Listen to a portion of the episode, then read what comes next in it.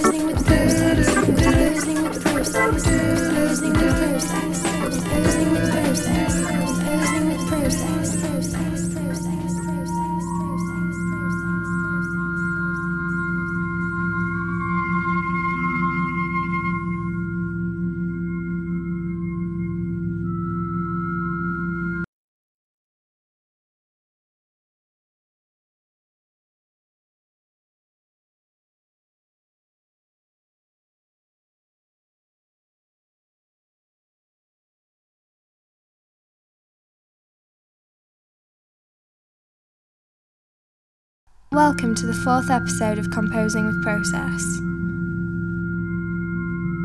Music and time share a profound connection. The philosopher Husserl, for example, draws upon the structure of melody to explain how we encounter time.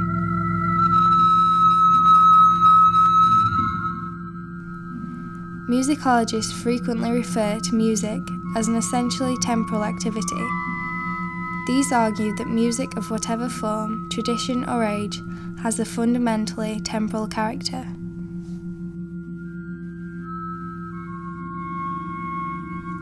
Tenney and Polansky, in their paper Temporal Gestalt Perception in Music, say this.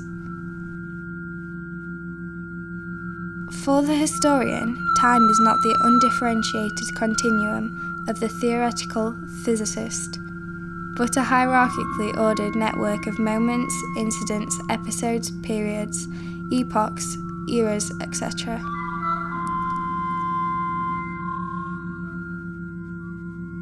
Time spans whose conceptual boundaries are determined by the nature of the events or processes occurring within them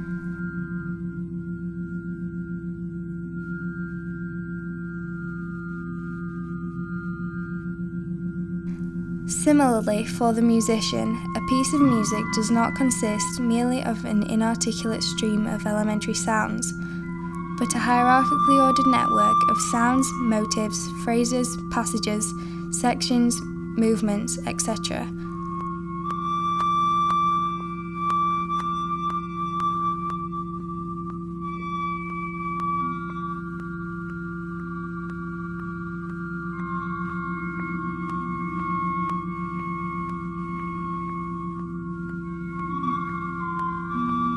spans whose perceptual boundaries are largely determined by the nature of the sounds and sound configurations occurring within them.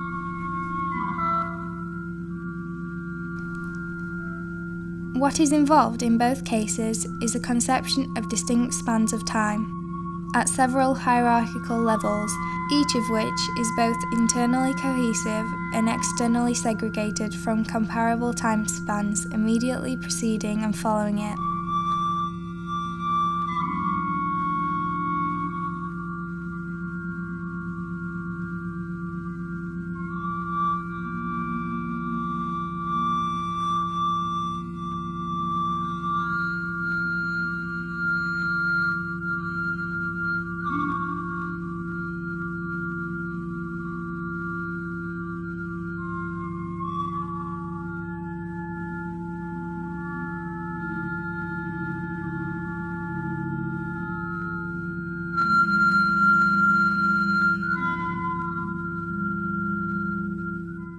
For most of us, time appears to flow in the same direction, at the same speed, and we can measure it in units like minutes, microseconds, or years.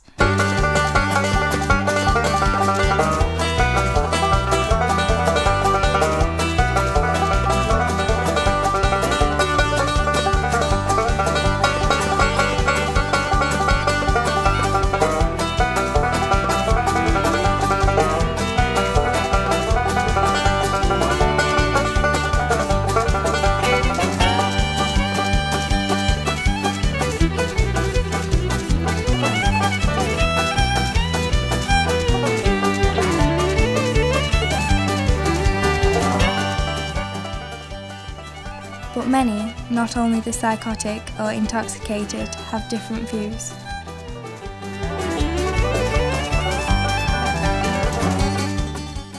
In physics, we find ideas about time being curved, or the notion of imaginary time running at 90 degrees to our familiar time axis.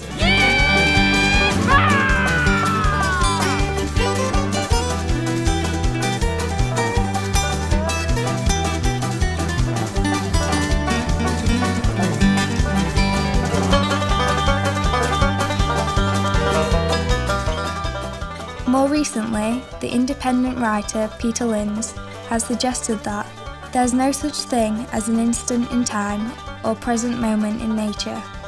According to Lynds, there is no flow of time, no such thing as now.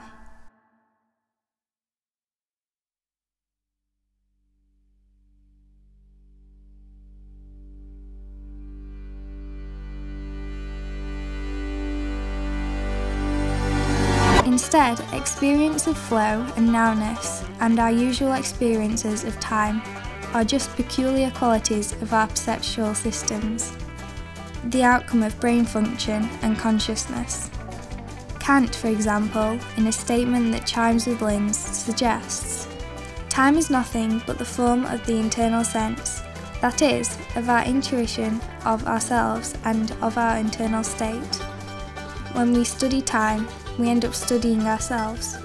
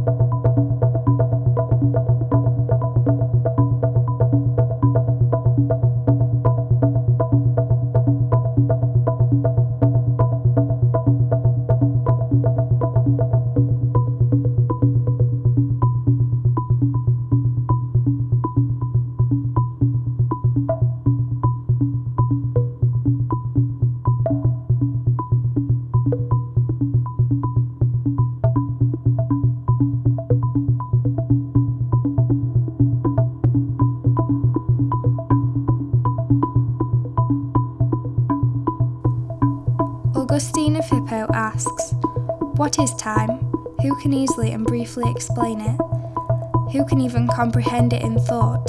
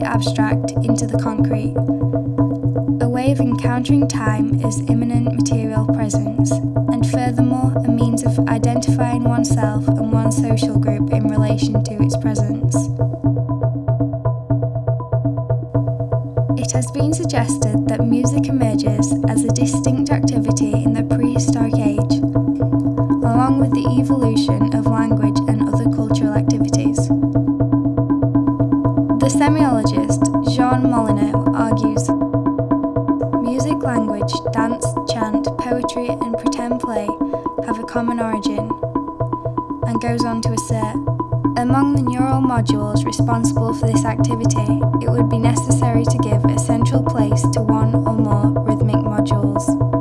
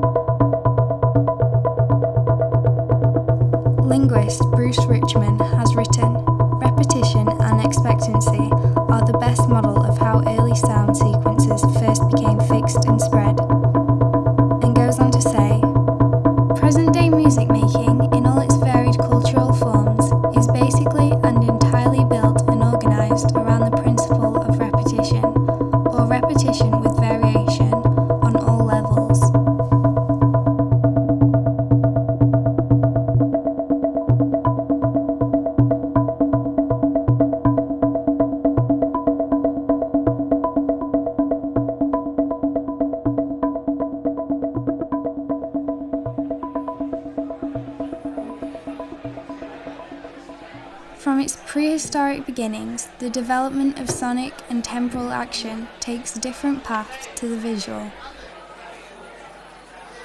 A division which fragments along perceptual fault lines. Such a division is due to the very temporal nature of sound. Whereas early forms of mark making leave a physical remnant or object, one that can be treasured or referred to by subsequent witnesses. For example, stone carvings, cave paintings, and so on. Sonic practices are, by their very nature, transitory. Once the act has passed, so too has the sound, leaving an ethereal, albeit very real, trace of its happening. Mind tonight? Do you want to get people dancing? Yeah, you want to get people dancing? Well, I don't really know what you're doing. Get people dancing. It off. Let's have a good time, so. Understand? Let's go for it. No. There's three guys here, and I'm sure you can kick this place off. Alright? You know how to do it. So do it. We're all in the right frame of mind, Sam. So make us fucking sweat.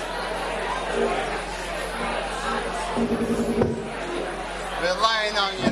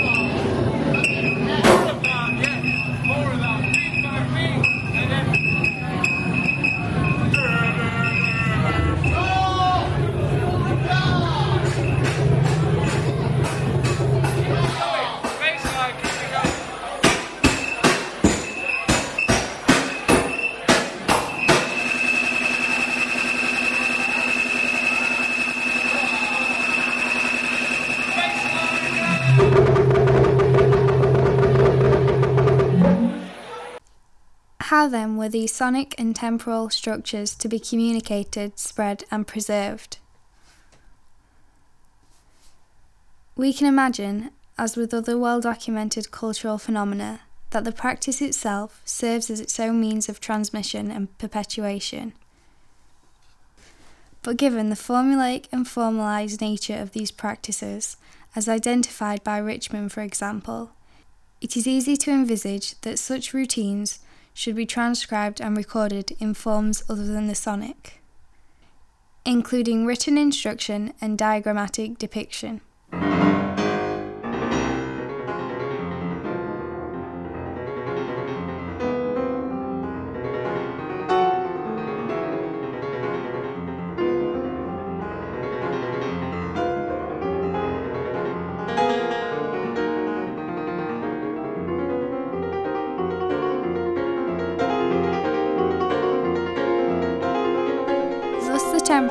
Becomes parameterized, procedural, codified.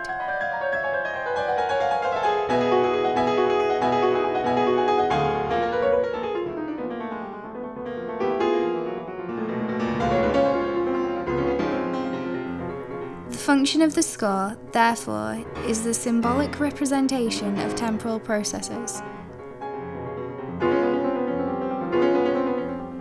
Instructions to the performer showing how to reenact the process.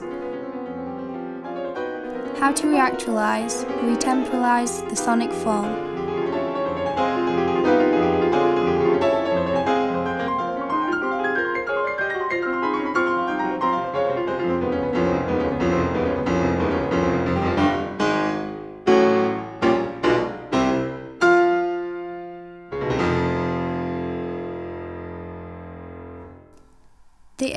Evidence of musical notation comes from Iraq and dates from around 2000 BC. Although interpretation of this artifact is a contentious matter, it is widely accepted to contain musical scales thought to denote pitches used in chanting. From existing analysis, it seems this artifact contained no temporal information other than the sequential ordering of those pitches.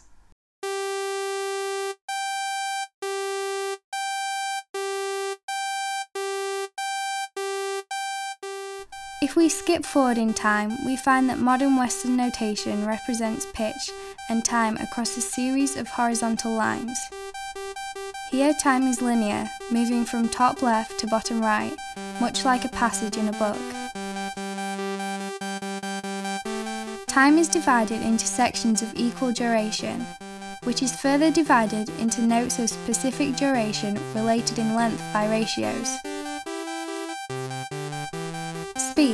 Rather than being specified in seconds or milliseconds, is specified in tempo, i.e., divisions per minute.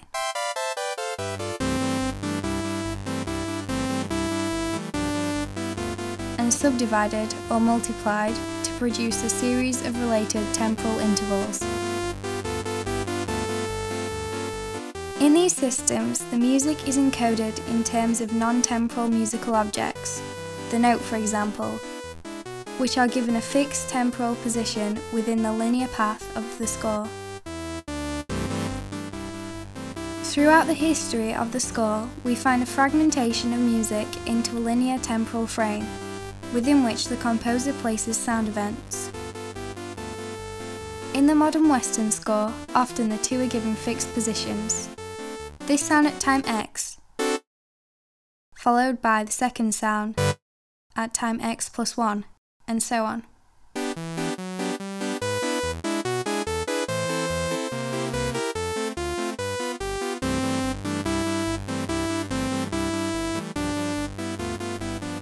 We can see how this construction closely mirrors descriptions of time proposed by medieval and mechanistic thought.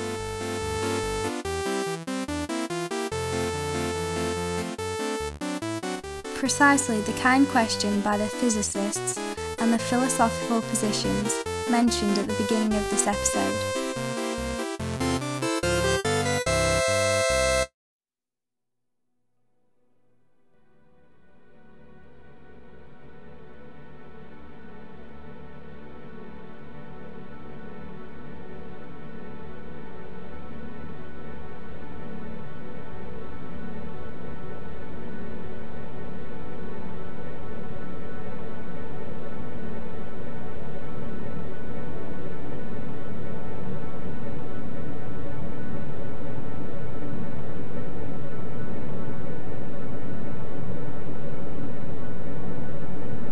However, many different treatments of musical time from different ages, cultures, and continents are known.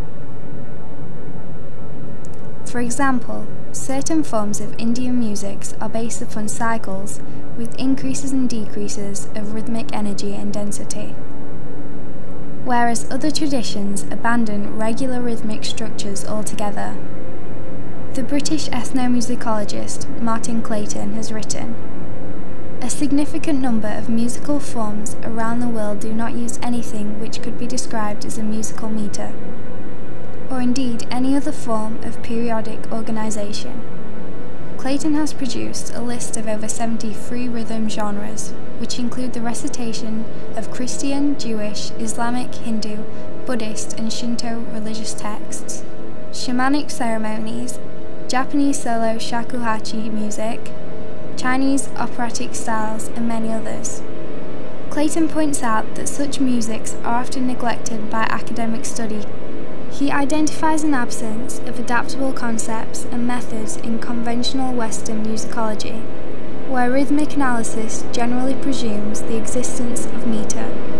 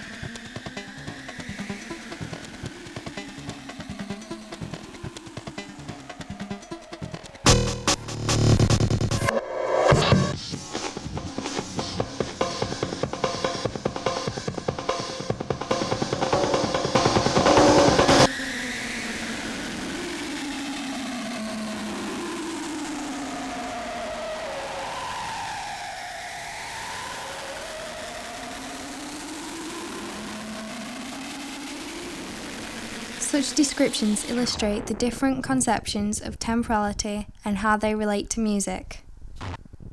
In the 20th century, this situation became a central concern for many composers. and many attempts were made to explore the temporal nature of music, its transitoriness, its inner temporal divisions and hierarchies, how these were ordered, and so on. In their explorations of this area, composers began to look beyond the Western musical framework to other cultures, eras, traditions. Xenakis, for example, questioned the place of linear time structures within music. In 1976, he writes, What remains of music once one removes time? We have to distinguish between two natures, inside time and outside time. That which can be thought of without changing from the before and the after is outside time.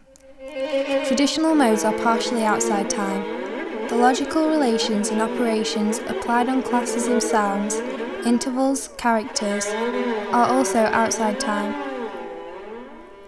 Those whose discourse contains the before or the after are inside time.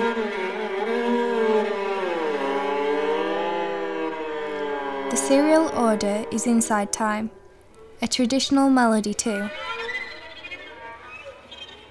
All music, in its outside time nature, can be rendered instantaneously flat. Its inside time nature is the relation of its outside time nature with time.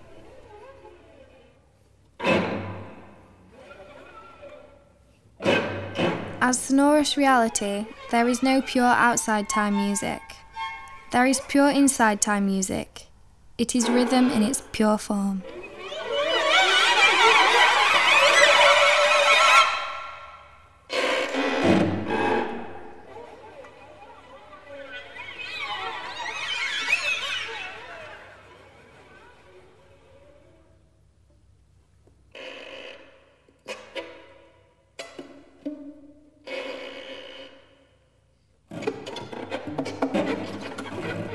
For Xenakis, modern music, especially the serialists, placed undue emphasis on the temporal, the ordering of events as opposed to the events themselves outside their position in the score.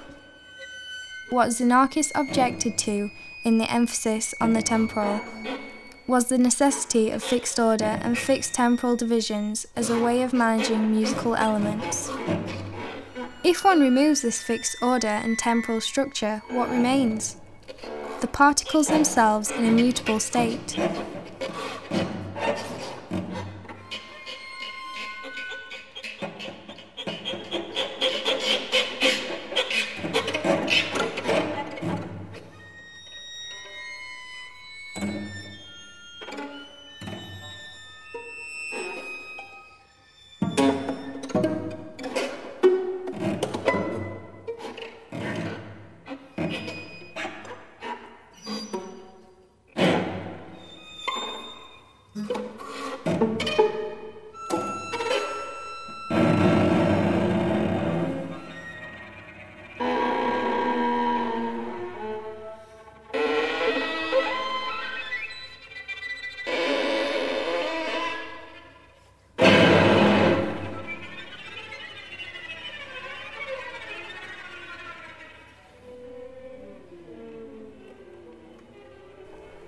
An important and pivotal development was sound recording and playback technologies. The adoption of these technologies by composers and a few experimental music studios was to profoundly reframe the relationship between music, sound, and the temporal. As Milton Babbitt observed, if there is one component which originally led composers to the electronic medium, it was and is the temporal domain. Those who originally turned to electronic tape were obviously attracted to the element of control. You can control time as a measurable distance of tape. Here we are talking about rhythm in every sense of the word.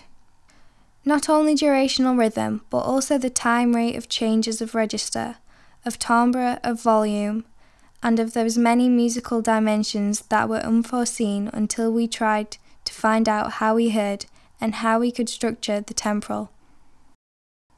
Sound recording technologies offered a means of capturing and manipulating sonic materials in a more direct manner without the need for a formalized scoring system.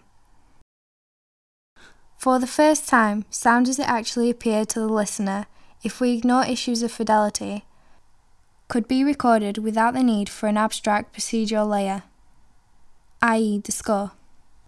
Both reel to reel tape and vinyl record allow a number of time based processes, and the primary compositional potential of recording technologies was in the time domain.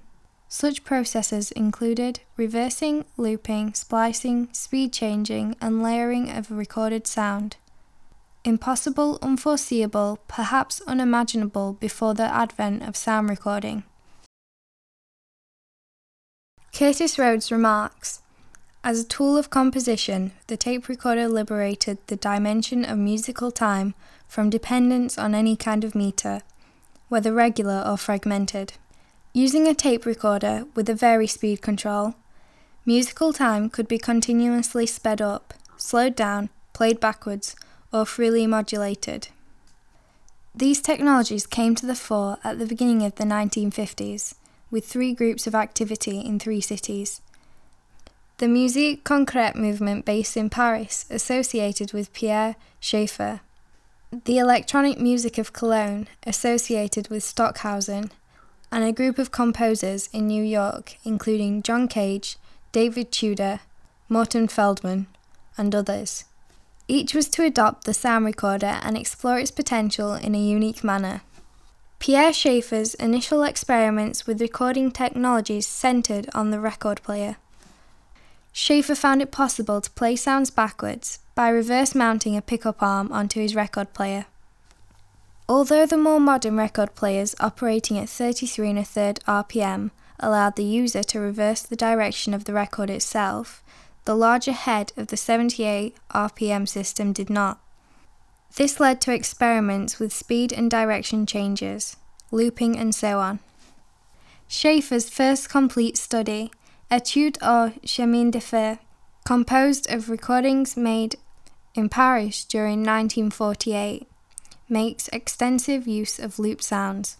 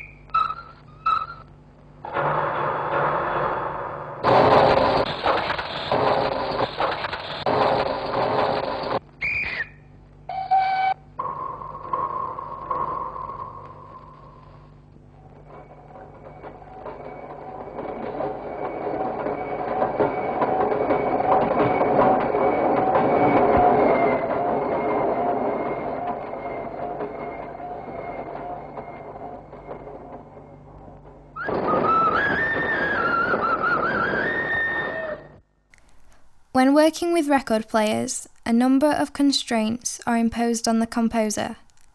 Loops, for example, at 78 RPM would be 0.8 seconds long.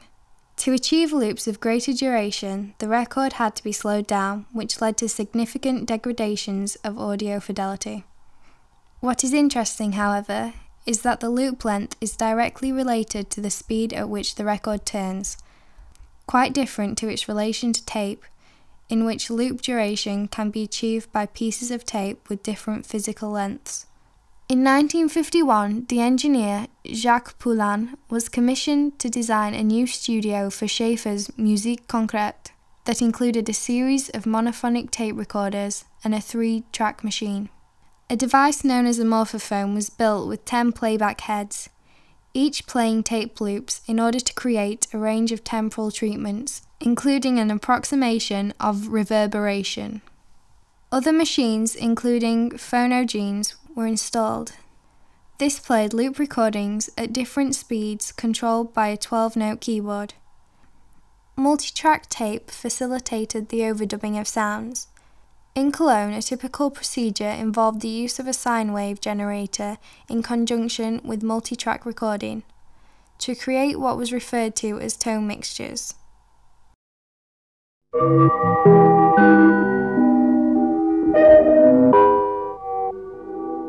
Here, individual harmonic components were layered one by one to create a cohesive sonic form.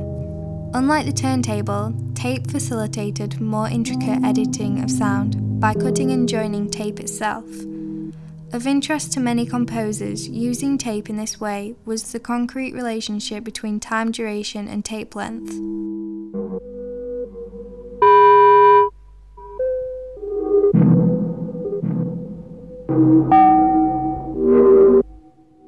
Stockhausen began experimenting with this characteristic in the 1950s and developed a number of works exploring this direct relation between duration, tape speed, and length to develop rhythmic structures. He began to assemble portions of tape with differing lengths and arrange these into various patterns. These can be heard on the first two Cologne works, Study 1, 1953, and Study 2, 1954. In Study 1, Stockhausen used a formalised procedure to define the length of each sound.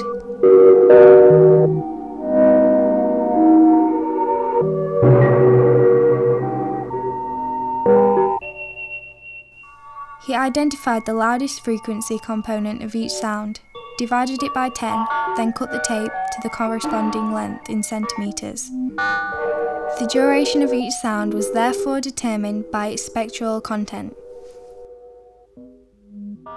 During his investigation, Stockhausen developed the idea of the autonomous moment.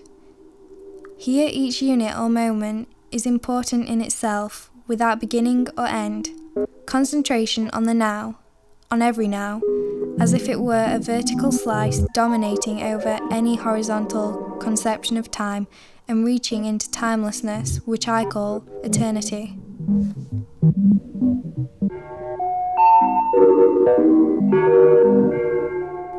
In Study 2, once this had been assembled, artificial reverberation was applied to give the composition a sense of quasi continuous sound. Stockhausen reintroduced the idea of linearity and continuous flow that was present in earlier musical practices.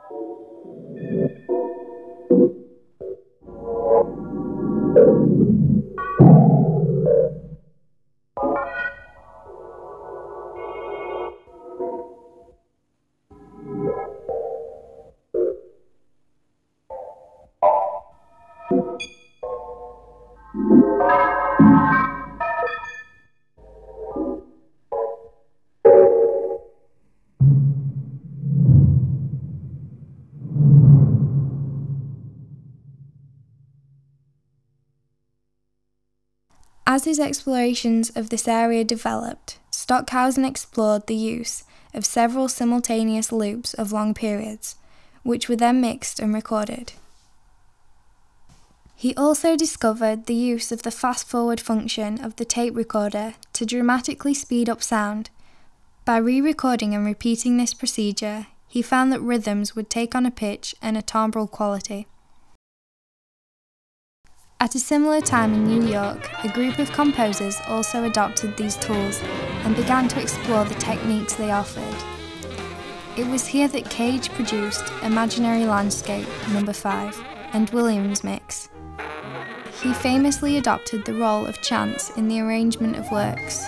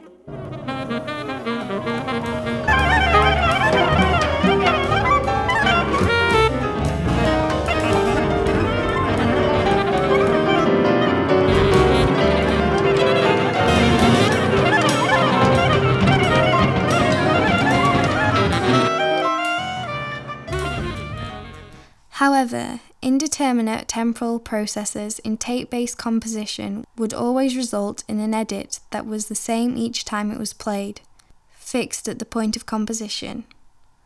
The playback of the sound itself, the composition, was ultimately linear in the temporal domain, and in this sense conceptually comparable to the modern Western score. This issue was to be addressed by composers as computational technologies developed, allowing the integration of nonlinear performance and playback techniques. As tape speeds grew faster, what struck Cage and others was the vast amount of tape used to record even very short sounds. A second, for example, became 15 inches. This enabled extremely fast edits to be performed. The result of this process was perceived as a single sonic texture. The development of computing has also profoundly altered how we engage with music, sound, and its temporal domain. In a very obvious way, audio editing systems have provided new ways of engaging with sonic material. These largely follow temporal and technical paradigms borrowed from tape based systems. For example, sound is a linear phenomenon with functions to reverse, loop, edit, stretch, time compress, and so on. There are also a number of quite pragmatic differences, which change how the operator deals with the temporal domain. For example, repeatability is slightly different on screen to on tape. Using tape, a loop can be created in a number of ways. One way is to physically loop a section of tape and re record it. A further method is to have several copies of a section and to splice them together. Both of these incur sonic degradation. A screen based system, on the other hand, allows the user to cut and paste the original data any number of times, and to do this without having to physically set up tape loops, switch tapes, and so on. The process becomes more efficient in this sense.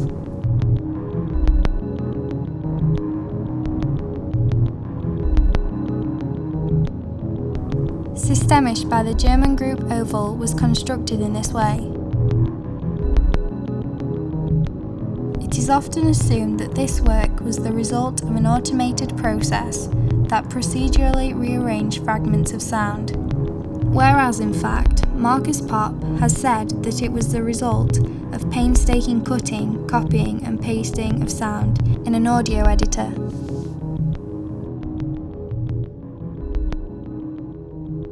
Like tape, this paradigm is very much grounded in the idea of a linear temporal domain into which the composer places sound.